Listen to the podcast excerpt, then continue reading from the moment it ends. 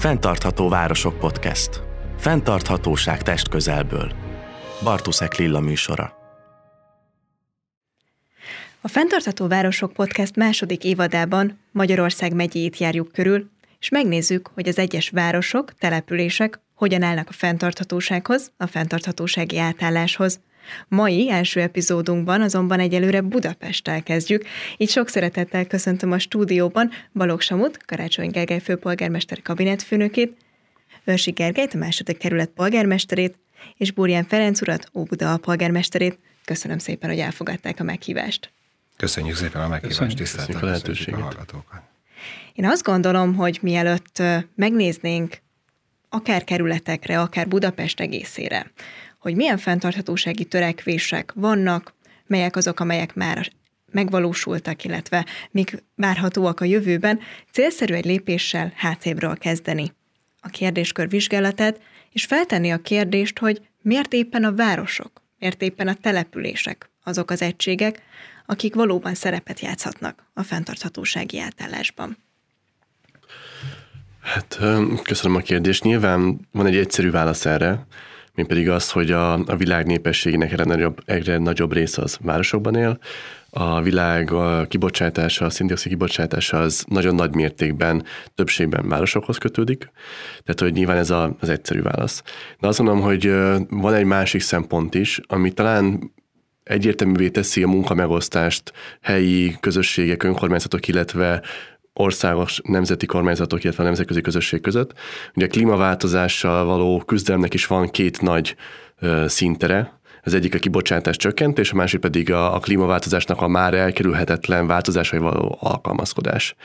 És azt gondolom, hogy a, az első ott igazán hangsúlyos vagy egyértelmű a szerepe a nemzetközi összefogásnak, illetve a nemzeti kormányoknak a szerepének. Tehát, hogy egyébként hiába kötődnek városokhoz, mondjuk ezek a kibocsátások nem is feltétlenül alkalmasak arra helyi szabályozások, hogy ezt megakadályozzák. Tehát itt kell nagyon erős nemzeti hatáskör, illetve a nemzetközi összefogás, viszont az adaptációban, tehát hogyan tudjuk a településeinket, városainkat élhetővé tenni, vagy élhetőnek megtartani a változó klimatikus viszonyok között, ott meg egyértelműen az önkormányzatoknak van egy kiemelt szerepe, mert az önkormányzatok azok, amelyek legjobban ismerik ezeket a településeket, az önkormányzatok vannak legközelebb az emberekhez, ismerik legjobban ezeket a problémákat, így ide kell biztosítani azokat a forrásokat, amelyek a, a helyi viszonyokban teremtik meg az alkalmazkodásnak a képességét a klimatikus változásokhoz. Szerintem Kabinocser úr a második részében kimondta azt, amit én hosszabban szerettem volna, hogy én úgy láttam, hogy az önkormányzatoknak, a településeknek, városoknak, községeknek nem nekik van a legmeghatározóbb szerepük, hanem az egyéneknek, tehát mindannyiunknak. És amit Samu mondott, az az a kulcs szó, hogy az önkormányzatok, a települések, a városvezetők és az önkormányzatiság áll legközelebb az emberekhez. És látjuk mi is az önkormányzatokban, és szerintem minden önkormányzat látja, hogy ő, az emberek sokkal jobban ismerik a lakóhelyüket. A fenntarthatóság az most egy olyan olyan szinten felgyorsult a, a, a klímaváltozás, olyan annyira érezzük a saját bőrünkön néha szó szerint. Most nálunk a szomszéd településen ugye egy hosszantartó vízhiány volt, és az asszája, a kiégett zöld területeket mindenki látja, és egyre inkább ö, fontossá vált mindenki számára, és rengeteg ötlet érkezik. És az önkormányzat ezeket be tudja csatornázni, és meg tudja valósítani. És számtalan olyan egyéni fenntartatóságot szolgáló cselekedetet tud támogatni egy önkormányzat, ami egyéni szinten egyébként ő lehet, hogy nem segít sokat összességében azon, hogy egy fenntarthatóbb világban éljünk, ugyanakkor ha ezek összeadódnak, akkor, akkor, akkor rengeteget tehetünk. Jó példa erre akár az esővízgyűjtő tartályok, ahol lehet, hogy egy háztartás vagy egy családi ház 200 liter esővizet gyűjt össze, ugyanakkor egy kerületben, hogyha csak 300 pályázat útján biztosítunk, akkor az már 45 ezer liter esővizet jelent, ami még így is elképesztően kevés ahhoz képest, hogy egy 5 mm-es csapadéknál mennyi, mennyi esővíz kerül a, a második kerület területére, és abba belegondolni is rossz, hogy ebből mennyi folyik el, és mennyi őt nem sikerül megtartanunk, és én úgy látom, hogy ebben az önkormányzatok ilyen apró példákban, vagy például jó modellek átvételében tudnak példát mutatni, és sokkal inkább hatásos. Akár az, hogy már az óvodákban egyébként elkezdődik az, hogy szelektíven gyűjtik a hulladékot, hogy kis magaságyások vannak, hogy közösségi szemétszedési akciókat vannak, ezeket az önkormányzatok tudják megvalósítani. De a kulcs szó az szerintem az, hogy az önkormányzatok vannak a legközelebb az emberhez, és ők tudják elmondani azt, hogy ez a saját lakóhelyükön mit jelent. Hogy amikor megkérdezik, hogy miért éget ki a, a fő, akkor el lehet mondani egyébként, hogy nem azért, mert nem gondoskodott róla az önkormányzat. Nem azért, mert ő lust, túl rövidre kaszálta feltétlenül a, az önkormányzat, hanem azért, mert egy, egy évtizedek óta talán nem látott asszály van, ami, ami, aminek a felmelegedéshez van köze egyértelműen. Így van, és beszélgetés későbbi részében majd vissza is fogunk térni arra a kérdésre, hogy mindez a Hát azt gondolom, hogy az emberek saját bőrén tapasztalható jelenlegi helyzet hogyan ösztönzi talán őket a fenntarthatóság iránt, de erről majd picit később. Most a polgármester úrhoz fordulni. Köszönöm szépen. Itt ugye elhangzottak a, azok a, a megfogalmazások, hogy az önkormányzatnak mekkora szerepe van. Igen, én egy kicsit tovább mennék ebben, mert tényleg nagy szerepe van, és ők tudnak tenni a legtöbbet a lakosság érdekében, hanem a helyben ö, dolgozó, illetve munkátadó nagyvállalatok és civil szervezeteket is ebbe a dologba, a fenntarthatóságba én úgy gondolom, hogy be kell, vagy be kellene vonni. Mi elkezdtük ezt a munkát, és egy civil fórumot hoztunk létre, ahol ezt a három egységet, az önkormányzatot, a vállalati szektort és a civil szervezeteket összefogtuk, pontosan a véget, hogy a fenntarthatóság okán hogyan tudunk előrelépni. Nagyon sok helyi példákat tudunk felhozni, hogyan tudjuk ezt ötvözni vállalati szinten és gazdasági szinten. Ugye a fenntarthatóság nálunk egy komplex fogalom, mi nem redukáljuk le a környezetvédelemre és a klímavédelemre, hanem mint mindenki tudja, a fenntarthatóság három lába van, ugye a társadalmi, gazdaság és a környezeti lábak, ezekre fókuszálunk, és ezeket szeretnénk kerületi szinten is hát adaptálni, illetve kiterjeszteni a lakosság fele. És hát akkor visszatérve Budapest egészére, ugye április 28-án az Európai Bizottság bejelentette új küldetését, amelynek keretében száz város válhat klímasemlegessé, ebben három magyar város is szerepel, köztük Budapesttel. Mit jelent az, hogyha egy város klímasemleges, hogyan kapcsolódik ez a fenntarthatóság egészéhez, és milyen jelentősége lehet Budapest számára ebbe a küldetésbe való bekerülésre? Nyilván hatalmas jelentősége van annak, hogy ez a három város kiválasztásra került. Azt gondolom, hogy nagyon fontos nem csak nyugat meg észak-európai városok, hanem kelet-közép-európai városok is bekerüljenek ebbe a programba. Egyébként a programnak a jelentőségét az emelni nyilván, hogy minél több közvetlen forrás lenne elérhető ebben a programban, annál nagyobb lenne a jelentősége, és könnyebb lenne a, a városoknak a helyzete. Ebben azért nem teljesen egyértelmű, hogy, hogy mire számíthatnak ezek a városok. Minden esetre igen, mi elkezdtük kidolgozni a, elsősorban a közművállalataink azt a programot, hogy hogyan lehetne Budapest, vagy annak egy része legalább klímasemleges, ami mindenképpen egy hosszú munka. Ez a 2030-as időpont, ez egy nagyon ambíciózus időpont, de hát azt látjuk, hogy a a, mostani kihívások, illetve természeti jelenségek megkövetelik ezt a, ezt a hozzáállást, különben nagyon gyorsan fog romlani mindaz az életkörülmény, amit Budapesten mi is tapasztalunk.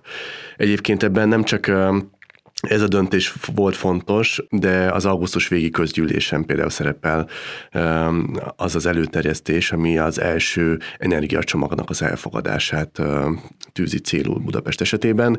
Mi ezt a nyár elején hirdettük meg, nagyon sok szervezettel egyeztettünk erről, hogy mi kerülhet bele egy ilyen energiacsomagba, és nagyon jellemző, hogy akkor ez még hát egyes orgánumok nevetségtárgyává tették, hogy Budapest igenis a, a, a klíma veszélyhelyzet miatt, az energiaválság miatt szeretne olyan energia megtakarító lépéseket tenni, amivel csökkenteni lehet az energiafogyasztását mind a város szintjén, és egyébként megfogalmaztunk például a fővárosi intézmények esetében olyan célokat, hogy akkor mondjuk lehet, hogy elegendő 25 fokra uh, hűteni a lakásokat, irodákat a légkondicionálással nyáron. Ez akkor sok szempontból, vagy legalábbis a kormányzati médiában nevetségtárgyává vált, és aztán azt láttuk, hogy néhány héttel később, egy, egy hónappal talán fordult a helyzet, hiszen a kormányzati politika is hirtelen elindult abba az irányba, hogy nem fenntartható az eddigi kormányzati energiapolitika, nem fenntartható az a kitettség, az a kiszolgáltatottság, és akkor ebben a podcastben nem is szeretnék jobban ebbe nagy politikai vagy geopolitikai viszonyokat belerántani, fogalmazzunk úgy, hogy az, hogy Budapest energiafüggetlen legyen, hogy a budapesti közszolgáltatások például energiafüggetlenül tudjanak működni.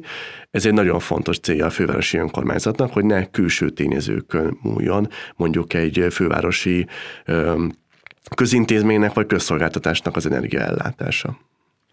És hát akkor nézzük az egyes kerületeket, illetve specifikusan most a második, illetve harmadik kerületet. Melyek polgármester úrék számára azok a fő prioritások, kulcs területek a fenntarthatósági átállásban, legyen szó környezetvédelmi, társadalmi, gazdasági pillérről, amelyek jelenleg a napirenden vannak? Gyakorlatilag ezek nem jelenleg vannak a napirenden, hanem amióta a kerületet vezetjük, folyamatosan figyelünk erre. Én arra szeretnék ráerősíteni egyébként, mert sokak számára megdöbbentő, és talán az emlékek elhalványulnak, hogy amikor Budapest főváros önkormányzata és szemtalan kerület egyébként klíma hirdetett, akkor, akkor gyakorlatilag rengetegen kinevettek minket. Majd utána elérkezett az asszály, elkezdtek, el, el, el, elfogyott a csapból a víz pár településen, a mezőgazdaság olyan válságát éli, amit nagyon régóta, a tavaink, folyóink vízszintje az, az alacsony, és, és ha csak távolabbra megyünk, akkor azért 10-12 éve mindannyian láttunk még olyan ö, filmeket, legyen akciófilm, vagy vagy bármi, amiben, amiben itt a világ végét és a globális felmelegedés jósolták meg, és azt látjuk, hogy most már évről évre ez itt van. Tehát, hogy ezt az emberek látják most. Tehát, ha, ha most kimegyünk és ö, ö, érezzük a, az, az aszfalt hőjét, akkor látja, hogy látja, hogy mindenki. De a kérdésre válaszolva itt három fő témakör van. Az egyik az természetesen az energia, ami nem csak most téma, hanem mindig is az volt. A másik a, a, a tudatosság és a szemléletformálás, a, a víz, az nálunk nagyon fontos, és a hulladék. És ezek mentén próbálunk olyan helyi, lokális ötleteket és stratégiákat kidolgozni, amik, amik biztosíthatják azt, ami, ami Budapest esetében a klímasemlegességet jelenti, és azt, hogy egyébként független energiával, vagy energiafüggetlen város legyen. Mi még amikor nem tudtuk azt, hogy hogy, hogy, hogy háború lesz a szomszédban, hogy az energiárak ilyen szinten elindulnak, akkor van egy Európai Unió által indított kezdeményezés, ami még nagyon gyerekcipőben jár sajnos, ezek az úgynevezett energiaközösségek, amik pont azzal járnak egyébként, hogy önkormányzatok, települések és a, a társasházak, magánházak is csatlakozhassanak és létrehozhassanak egy energiaközösséget. Mi itt most egy öt főből álló nemzetközi konzorcium tagjaként indulunk ezen, és ennek során például feltérképeztük azt, hogy hány közintézményre és társasházra lehet napelemeket szerelni kiegészítő energiaellátásként, és megdöbbentő a szám, mert csak a közintézményeink területén 8940 négyzetméter az a napelem mennyiség, amit fel lehet szerelni, és ezt utána ehhez szeretnénk, hogyha a társasházak például a Margit körúton, vagy a vízivárosban, ahol nagy számban élnek adott területen lakótársaink, csatlakoznának, és ezáltal nem csak a fenntartatóságot szolgálnánk, hanem, hanem a, a, a, a rezsiköltségeknek a további emelkedését is. Ez nyilván egy hosszabb távú folyamat, itt szükség van nem csak kerület Budapest és a magyar kormány együttműködésére, hanem nemzetközi partnerekre és az Európai Unióra is. A tudatosság, a szemléletformálás az, az elképesztően fontos a, a mi, mi véleményünk szerint. A, a, a szelektív hulladékgyűjtés, a, a, a a, a, a műanyag ö, csökkentése. Tehát mi azóta is, hogy megváltoztak az egyszer használatos műanyag termékekre vonatkozó szabályozások, minden júliusban megtartjuk ugyanúgy egyébként a műanyagmentes júliust, amikor vászontáskákkal, gyümölcszsákokkal, ezek az apró pici lépések, de én mindig nagyon boldog vagyok, amikor azt látom, hogy évről évre, amikor a piacon ö, vászontáskát és gyümölcshálót, többször használatos kellékeket ö, osztunk, vagy adunk az arra járóknak, hogy egyre több ember azt mondja, mondja, hogy köszönöm szépen, nekem még itt van a tavalyi, vagy köszönöm szépen, vartam meg annak saját gyümölcshálót, hogy ne kelljen a, a, a zöldségeseknél és a, a, hentesnél végvéletlenül raktáron lévő több ezer zacskót elfogyaszt, vagy elfogadni, hiszen ugye tudjuk, hogy ezek kivezetésre kerültek. A víznél pedig a takarékosság, ami, ami a közművek fejlesztése nélkül elengedhetetlen, tehát az, hogy amikor egy csőtörésnél egyébként megszemlálhatatlan köbméternyi víz, értékes ivóvíz folyik el, annak, annak, annak nagyon hamar gátat kell szabni, nem a szószoros értelmében, hanem a közműhálózathoz hozzá kell nyúlni, mert az ivóvíz az az egyik legfontosabb értékünk. Az esőkertek kialakítása, ami szintén egy civil kezdeményezésre indult, és ezúton ragadnám meg az alkalmat, hogy a Budapest közösségi költségvetésén a budai esőkertek létesítésén szavazzanak arra, hogy Budán létesüljenek esőkertek, hiszen azt látjuk, hogy egy-egy nagy viharnál egyébként nagyon hamar eltömődnek a, a csatornák, a budapesti csatorna hálózat ugye ebben a kiszámíthatatlan időjárásban, amikor percek alatt egyébként több milliméternyi csatorn, vagy több milliméternyi csapadék zúdul rá, azt nem volt egy hatalmas. Igen, és az, az, azt nem tudjuk felfogni. Tehát azt nem tudjuk felfogni 400, eső, 400 esővíz gyűjtőtartályban. De a vízre visszatérve, a, van nekünk egy úszodánk viszonylag híres, több szempontból, a kint hidegúton, a, mi, mi a, a záportározóját, amikor tele van, mi a, a, a közút, közútjainkat abból locsoljuk, illetve a növényeinket is. Több szempontból, hogy ez a, ez, a, ez a 300 köbméternyi víz egyébként ne vesszen kárba, ne a csatorna hálózatba terheljük, másrészt pedig egyrészt a közterületen ültetett fáknak az esővíznél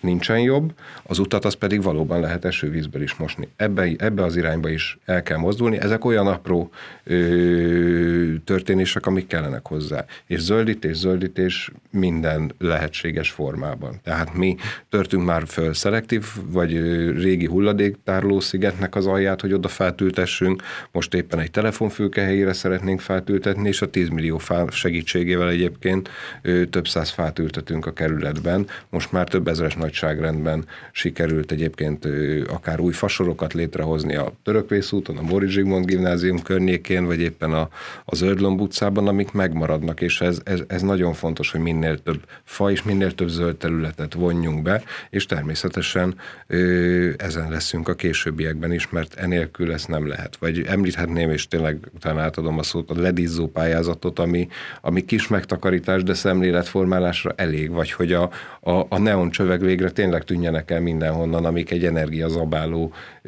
készülékek, a, az, ener, a, a, az energiakorszerűsítési pályázatok, akár társasházak, akár közintézmények részére, hát azt látni kell, hogy az energia rövid távon nem lesz olcsóbb. Egy szigetelésnél, egy szigetet, tehát hogy még ma is vannak olyan óvodák, és vannak olyan bölcsödék, ahol gyakorlatilag olyan nyílászárok vannak, amik energiahatékonysági szempontból egyébként elfogadhatatlanok. Ezekre kell fókuszálni, és ezeket kell ö, előtérbe helyezni. Igen, egy kis kulisszatitok a nézőknek és hallgatóknak, hogy ugye azért csengenek nekem ennyire ismerősen ezek a kezdeményezések, mert én magam is második kerületi lakos vagyok. De nagyon kíváncsian várom a polgármester úr válaszát, hogy a harmadik kerületben mik a fő prioritások. Én nagyon örülök annak, hogy a második kerület ilyen átfogó ö, akciókat ö, tervez és visz, mert hasonló a harmadik kerületben is, természetesen egy kicsit kidomborítva, egy kicsit másképpen, de összességében azokat a, az akciókat és azokat a, az elgondolásokat, amiket a második kerület itt most felsorolt, azt, azt mi is magunkinak tudjuk, meg tudhatjuk. A szemléletformálásban nálunk is elsődleges szempont az energiahatékonyság csökkentése. Itt különféle pályázatokon veszünk részt, akár ö, támogató partnerként, akár pedig vezető partnerként. Támogató partnerként több olyan pályázatba vettünk részt, ahol energiahatékonyságot tudjuk csökkenteni, Ilyenek a, a Velbézet, a Komárt, illetve a, a PowerPoint pályázatok. Hát ezek már lefutott pályázatok, de itt konzorciumi tagként vettünk részt, és nagyon jó hatékonyságot tudtunk elérni a lakótelepi lakásoknál. Vezető konzorciumként két települést vontunk be a Facility pályázatba, ez Újpest és Szentendre vonatkozásában nyert is a pályázat, és nagyon jó kezdeményezésként, hát én úgy látom, hogy mind a két település nagy örömmel és nagy odaadással hát hát kezeli ezt a, ezt a dolgot, és áll bele ebbe a pályázatba. Mit tudunk még ugye elmondani a, a fenntarthatóságról? Miért kell nekünk fenntarthatósági stratégiát készíteni egyáltalán egy településnek, egy kerületnek? Hát én ezt egy összehasonlításként egy, egy példával tudnám illusztrálni, például egy szkafanderrel. Ugye az űrbe fölmennek a szkafanderrel a bármilyen nemzetiségi űrutasok, és az, az megvédi őket. Hát ugyanez elmondható a fenntarthatóságról. Megvéd bennünket a környezeti hatásokról, ezért kell nekünk odafigyelni, és mindenféle lehetőséget kihasználni, hogy védve legyünk azoktól a káros hatásoktól, ami most per pillanat hát ér bennünket. A vízkérdés vonatkozásában minket is nagyon-nagyon érint. Óbuda nagyon-nagyon kitett a víznek akár a Duna által, akár a hegy által, akár a belvíz által. Mindenféle vonatkozásban érít bennünket a víz. De és én is csatlakoznék második kerületi polgármester úr felvetéséhez, hogyha tényleg lesz a fővárosban egy ilyen döntés, akkor a Gőtés tó, mint olyan hát felújítása és elősegítése szempontjából nagyon-nagyon csatla. Nem tudom, hogy áll a szavazás igazából, de hát helyre kéne tenni azt a Gőtés tavat, mert egyszerűen elpusztul, mint olyan, mint környezetvédelmi értékünk. Esőerdőnk hál' Isten nekünk van, mert most a fővárossal közösen egy közös projektben a Pünkösvölgyi Park ö, megépült, és abban van kettő esőerdőnk, amit csodálatosan hát ö, nőnek benne azok a növények, amelyik, amelyiket ott a főkert szakemberei beterveztek. Most volt éppen egy bejárásuk a Pünkösvölgyi Parkon, vonatkozásában, és a lakosságnap két nappal ezelőtt mutattuk be szakmailag magát a parkot, mert nem szakmailag óriási sikere van, hétvégén több ezer ember járja a parkot, és nagyon kihasznált, és egy olyan típusú park lett, ami Budapesten egyedülálló. Olyan átgondolt, olyan ökológiai szem, olyan fenntarthatósági szempontokat ö, tettek ebbe a parkba bele, ami, ami máshol még nem látható Budapesten. Nagyon örülünk neki, nem csak mi, hanem a lakosok is. Más kezdeményezéseink is vannak, például a Cseppecsen programba becsatlakoztunk egy évvel ezelőtt, 31 helyen már gyűjtjük a fáradt olajat. Ez is egy fenntartható, nagyon fontos fenntarthatósági dolog, és nem csak a vízhez kapcsolódik, hanem az, az egészségünkhöz is. És sorolhatnánk még olyan ö, szemléletváltó programsorozatot, ami két évvel ezelőtt indítottunk el, ez egy Facebook oldalon, Facebookon ö, élőben közvetített szemléletváló programsorozat volt, különféle, ezer egy különféle témával, ez vissza is nézhető, mert fenn van a óbuda.klima.hu oldalunkon, és bármikor visszanézhető. Most egy újfajta szemléletváltó programsorozatot indítottunk el, ez pedig a kisfilmek gyártásával, YouTube-on közvetítjük ezeket a, a felvett adásokat, és különféle fenntarthatósági hát, témában nyilatkoznak meg a szakemberek. Tehát nagyon sokféle dolog van, amiben beleálltunk, és, és folyamatosan is benne vagyunk,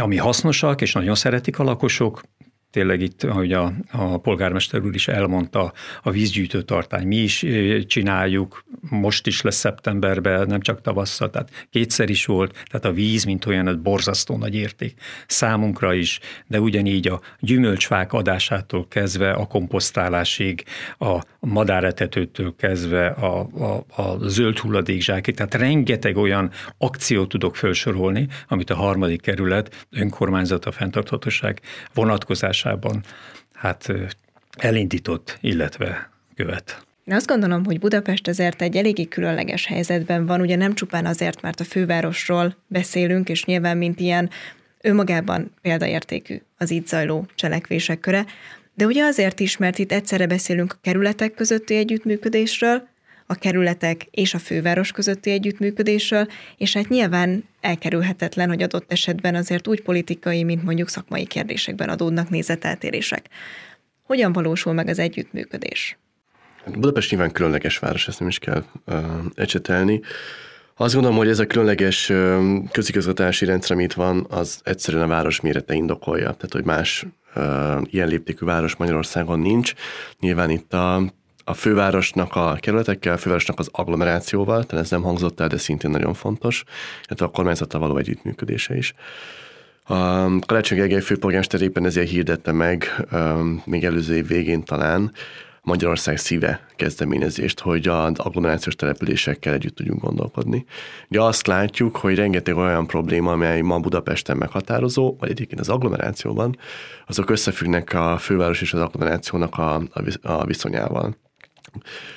A budapestieknek jelentős része szerint a forgalom például az egy legnagyobb probléma.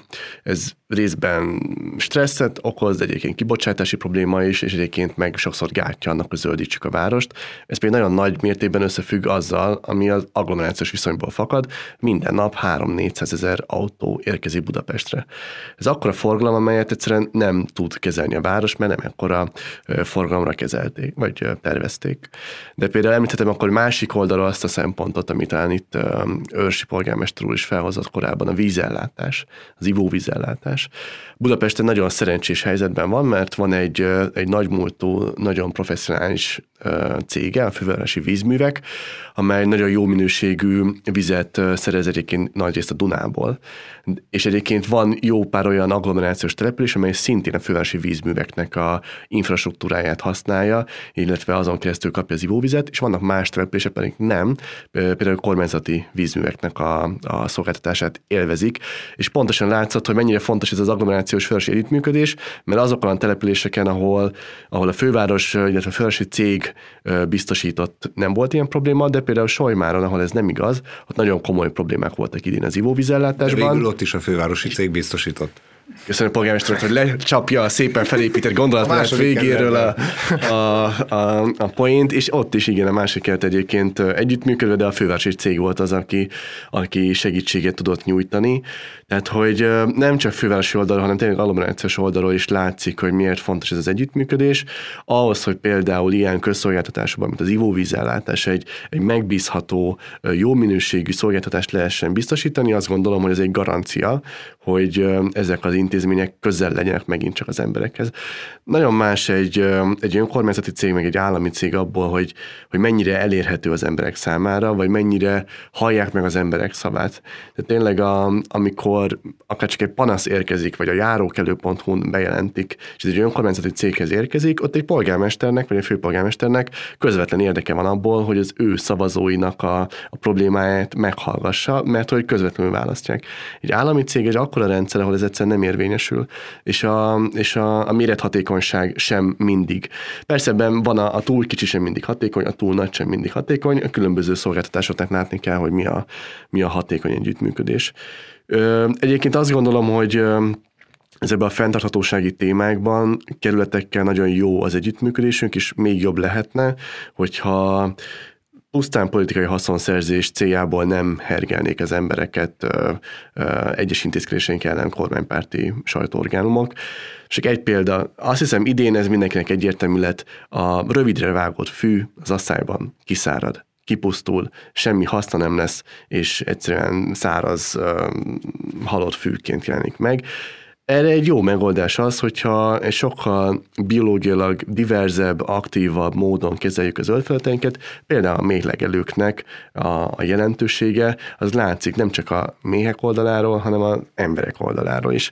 És egyébként ezt csak azért mondom példaként, mert a, a méhlegelők egy, egy, egy olyan projekt, vagy olyan program, mondjuk a hegyvidéki önkormányzat már évek óta használ. Tehát ebből is látszik, hogy nincsen ellentét mondjuk a méhlegelők megítélési megkerületek között. Tehát a mostani viszonylag vagy egyes esetekben kiemelkedően jó együttműködés így tudna jó lenni, hogyha nem lenne egy-egy ilyen kezdeményezés politikai vitának az áldozata. És kerületi polgármesterként, alpolgármesterként önök mit tapasztalnak ebből az együttműködésből? Én azt tapasztalom, ami, amitől szerintem a Budapest főváros önkormányzata és a kerületek közötti együttműködés nyilván a saját kerületünk nevében tudok nyilatkozni, az attól, attól valós együttműködés, hogy ez nem úgy történik, hogy egyébként ugyanazt gondoljuk mindenről. Tehát mi például a kabinetfőnök úrral is egyébként rengeteg szakmai vitát folytattunk le, hiszen a polgármester elsősorban a saját kerület mikro érdekeit nézi, míg a főváros esetében ebből ad, akadhatnak, még úgy is, hogy a cél egyébként ugyanaz, ellentétek, és mindig sikerült eddig egyébként ő, ő, megállapodásra jutni. Vagy akár a más kerületekkel történő együttműködés. Tehát, hogy ott az egy picit fáj nekünk, hogy Újpesttel és Szentendrével indult Óbuda önkormányzat ezen az Európai Uniós pályázaton, de például most a budai esőkertek pályázat, ami re szintén ismét bíztatnék mindenkit, hogy szavazzon a közösségi költségvetésen, azt az első 12. és az összes budai kerülettel szinte közösen szeretnénk kerület megjelölés nélkül létesíteni, és nagyon fontosak ezek az együttműködések. A, a, a fővárosnak az egy nagyon nagy ö, eredménye, és hogyha és egy nagyon fontos célja, hogy a Magyarország szíve programot elindította és összehívta, hiszen az agglomerációval szorosan együtt kell működni és ez nem csak az ivóvízellátásra, a hulladékszállításra vonatkozik, hanem és itt is van egy, egy kettős kommunikáció, és tényleg a politikát hagyjuk ki a fenntarthatóságból. De amikor, amikor ez a autó ellenesség felmerül, közben pedig egyébként három önkormányzat a kormányzattal közösen politikai vezetéstől függetlenül éppen egy agglomerációs elkerülő úton tervez egy buszsávot annak érdekében, hogy kevesebb autó áramoljon be Budakeszi irányából a fővárosba, akkor azért látjuk, hogy ebben, ebben önkormányzati és kormányzati szinten is lehet együttműködni, ugyanakkor van, megvalósul ez a kettős beszéd. Az agglomerációval azért is kell együttműködni, mert azt látjuk, hogy ez, ez hosszú távon fenntarthatatlan az, hogy a, a, a második kerületbe, vagy akár a harmadik kerületbe, de minden ő, nem belvárosi kerületbe, de még róluk is elmondható, hogy számtalan, annyi, olyan, számtalan autó érkezik, a második kerületbe egy útszakaszon egyébként napi 3-4 ezer autó érkezik csak az agglomerációból. Azon túl, hogy egyébként ez környezeti terhelést jelent, forgalmi dugókat jelent, ő, azt is jelenti, hogy az úthálózat is egyébként nagyobb terhelésnek van kitéve, amit utána a fővárosnak és a kerületi önkormányzatnak közösen kell helyreállítani. És valljuk be, az nem egy igazságos rendszer, és félreértés ne essék, semmilyen radikálisat nem mondok, de én amikor kimegyek Pest megye részére mondjuk egy barkácsáruházban, nekem ott meg kell vásárolnom a megyei matricát, amit utána feltételezhetően a Pest megyei úthálózatnak a fordít, felújítására fordítanak. De nyilvánvalóan nem az a cél, hogy ennyire radikális eszközökkel, vagy egy 20 percig tartó piros lámpával tartsuk fel az agglomerációba beáramló forgalmat, hanem hogy azok a fejlesztések, akár a ö, hév, akár a vasút ö, és a, a, a BKK segítségével a, a tömegközlekedésnek a fejlesztése, illetve a P plusz R parkolóknak a növelése az elengedhetetlen. Ezt láttuk, hogy erre, erre, erre van igény, ugyanúgy egy közösségi autó megosztó, közösségi jármű megosztó szolgáltatásoknak a, a, a fejlesztése az egy, az egy nagyon fontos dolog, amit csak kerületekkel együtt tudunk. De a legszebb például, vagy a legkézzel kézzelfogható példája az például a, a parkolási zónák kérdése, amit nem is lehetne épeszően kidolgozni a kerületekkel való együttműködések nélkül, hiszen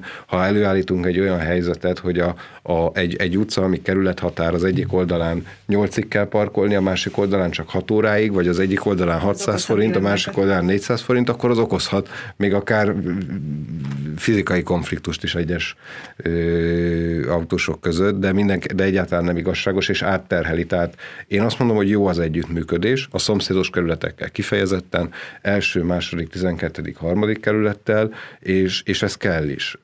De valóban nem lehet politikai témává tenni ezeket a, a, a fejlesztéseket, és nem lehet azt mondani, hogy hogy, hogy, hogy egyik hónapban azt mondjuk, hogy egyébként a főváros ö, szerencsétlen vagy ostoba, mert hogy egyébként a klímával foglalkozik, és 25 fokra vagy 21 fokra szabályozza a, a, az irodákat, majd egy hónap múlva megcsináljuk, és úgy csinálunk, mintha nem történt volna semmi, vagy a klímavészhelyzet kihirdetését, azt talán másfél éven keresztül hallgattuk, hogy az, az, az egyébként egy pótcselekvés volt, miközben közben egyébként ő, folynak azok az infrastruktúrális fejlesztések, folynak azok a tervezések, és minden olyan forrásnak a megragadására irányuló terek, törekvés zajlik fővárosi és kerületi szinten is, ami pontosan a klímasemlegesség eléréséhez vezető utat szegélyezi.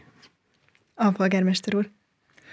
Hát Óbuda Békás megyer vonatkozásában azt tudom mondani, mi nagyon-nagyon fontosnak tartjuk a fővárosnak az együttműködését. Mindenféle szempontból.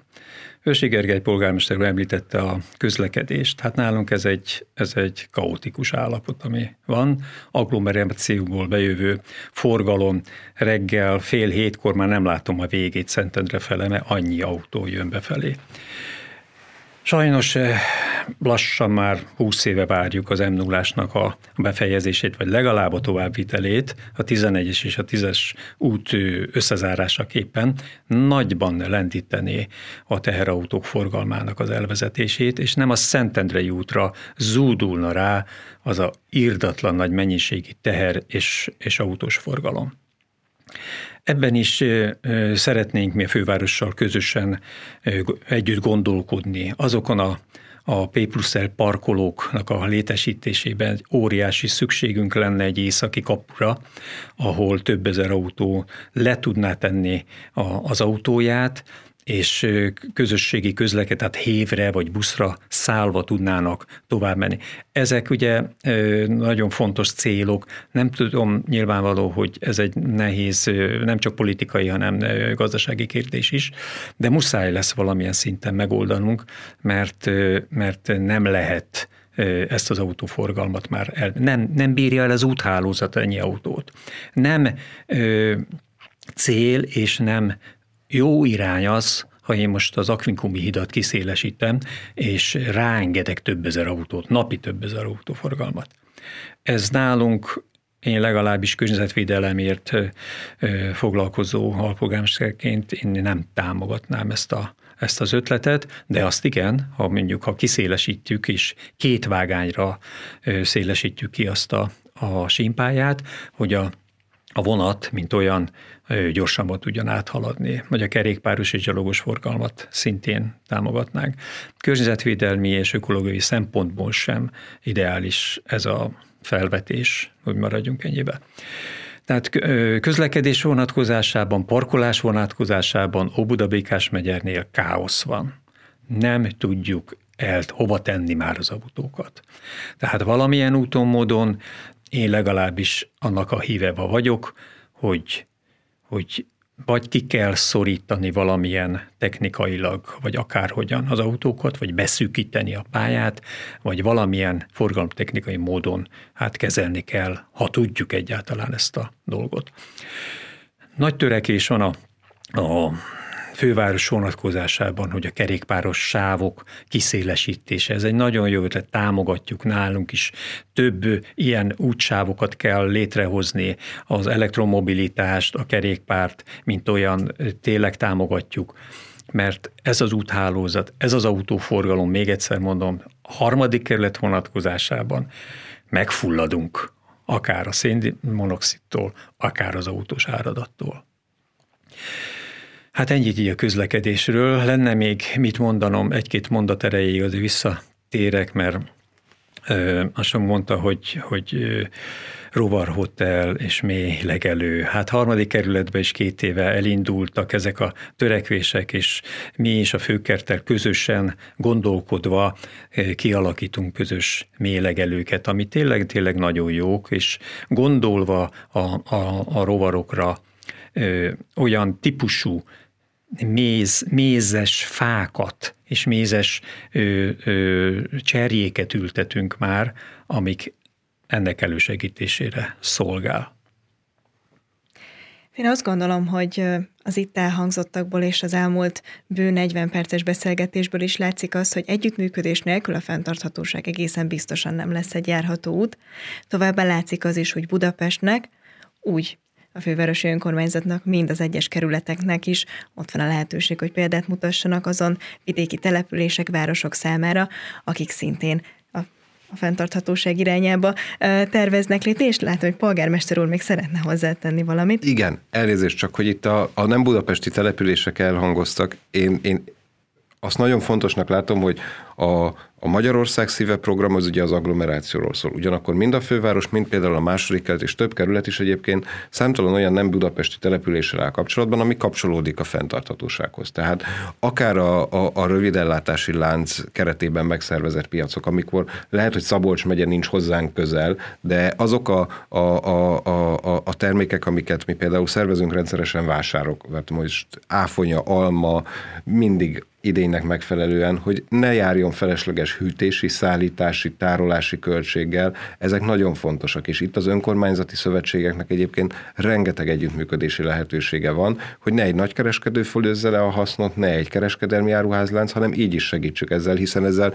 üzemanyagot spórolunk meg, és segítjük. Tehát, hogy itt nem csak Budapest és agglomeráció együttműködés, hanem az önkormányzatoknak országos szinten kell együttműködni, és erre számtalan jó példa van. Természetesen legjobb Budapesten és az agglomerációban, hiszen ez így adódott, de nagyon fontos, hogy a nem budapesti településekkel is legyen ilyen együttműködés. Polgármester úr is a nem budapesti településekkel zárta gondolatsorát. A Fentartató Városok Podcast második évada éppen ezért most Magyarország megyét járja majd körül, sorra veszük azokat a településeket, városokat, akik igenis a klímavédelem, a zöld átmenet és tágabban a fenntarthatóság úttörévé válnak, válhatnak. És én nagyon szépen szeretném megköszönni Őrsi Gergelynek, Burján Ferencnek és Balog Samunak, hogy az első epizód vendégei voltak. Köszönöm szépen, hogy elfogadták a meghívást. Köszönjük szépen. Köszönjük szépen. Köszönjük. Nektek pedig szeretném megköszönni, hogy velem tartottatok. Tegyetek így az évad további epizódjaiban is. Sziasztok! Bartuszek Lilla műsorát, a Fentartható Városok podcastet hallottátok. További tartalmakért látogassatok el weboldalunkra, és kövessetek minket a közösségi médiában is.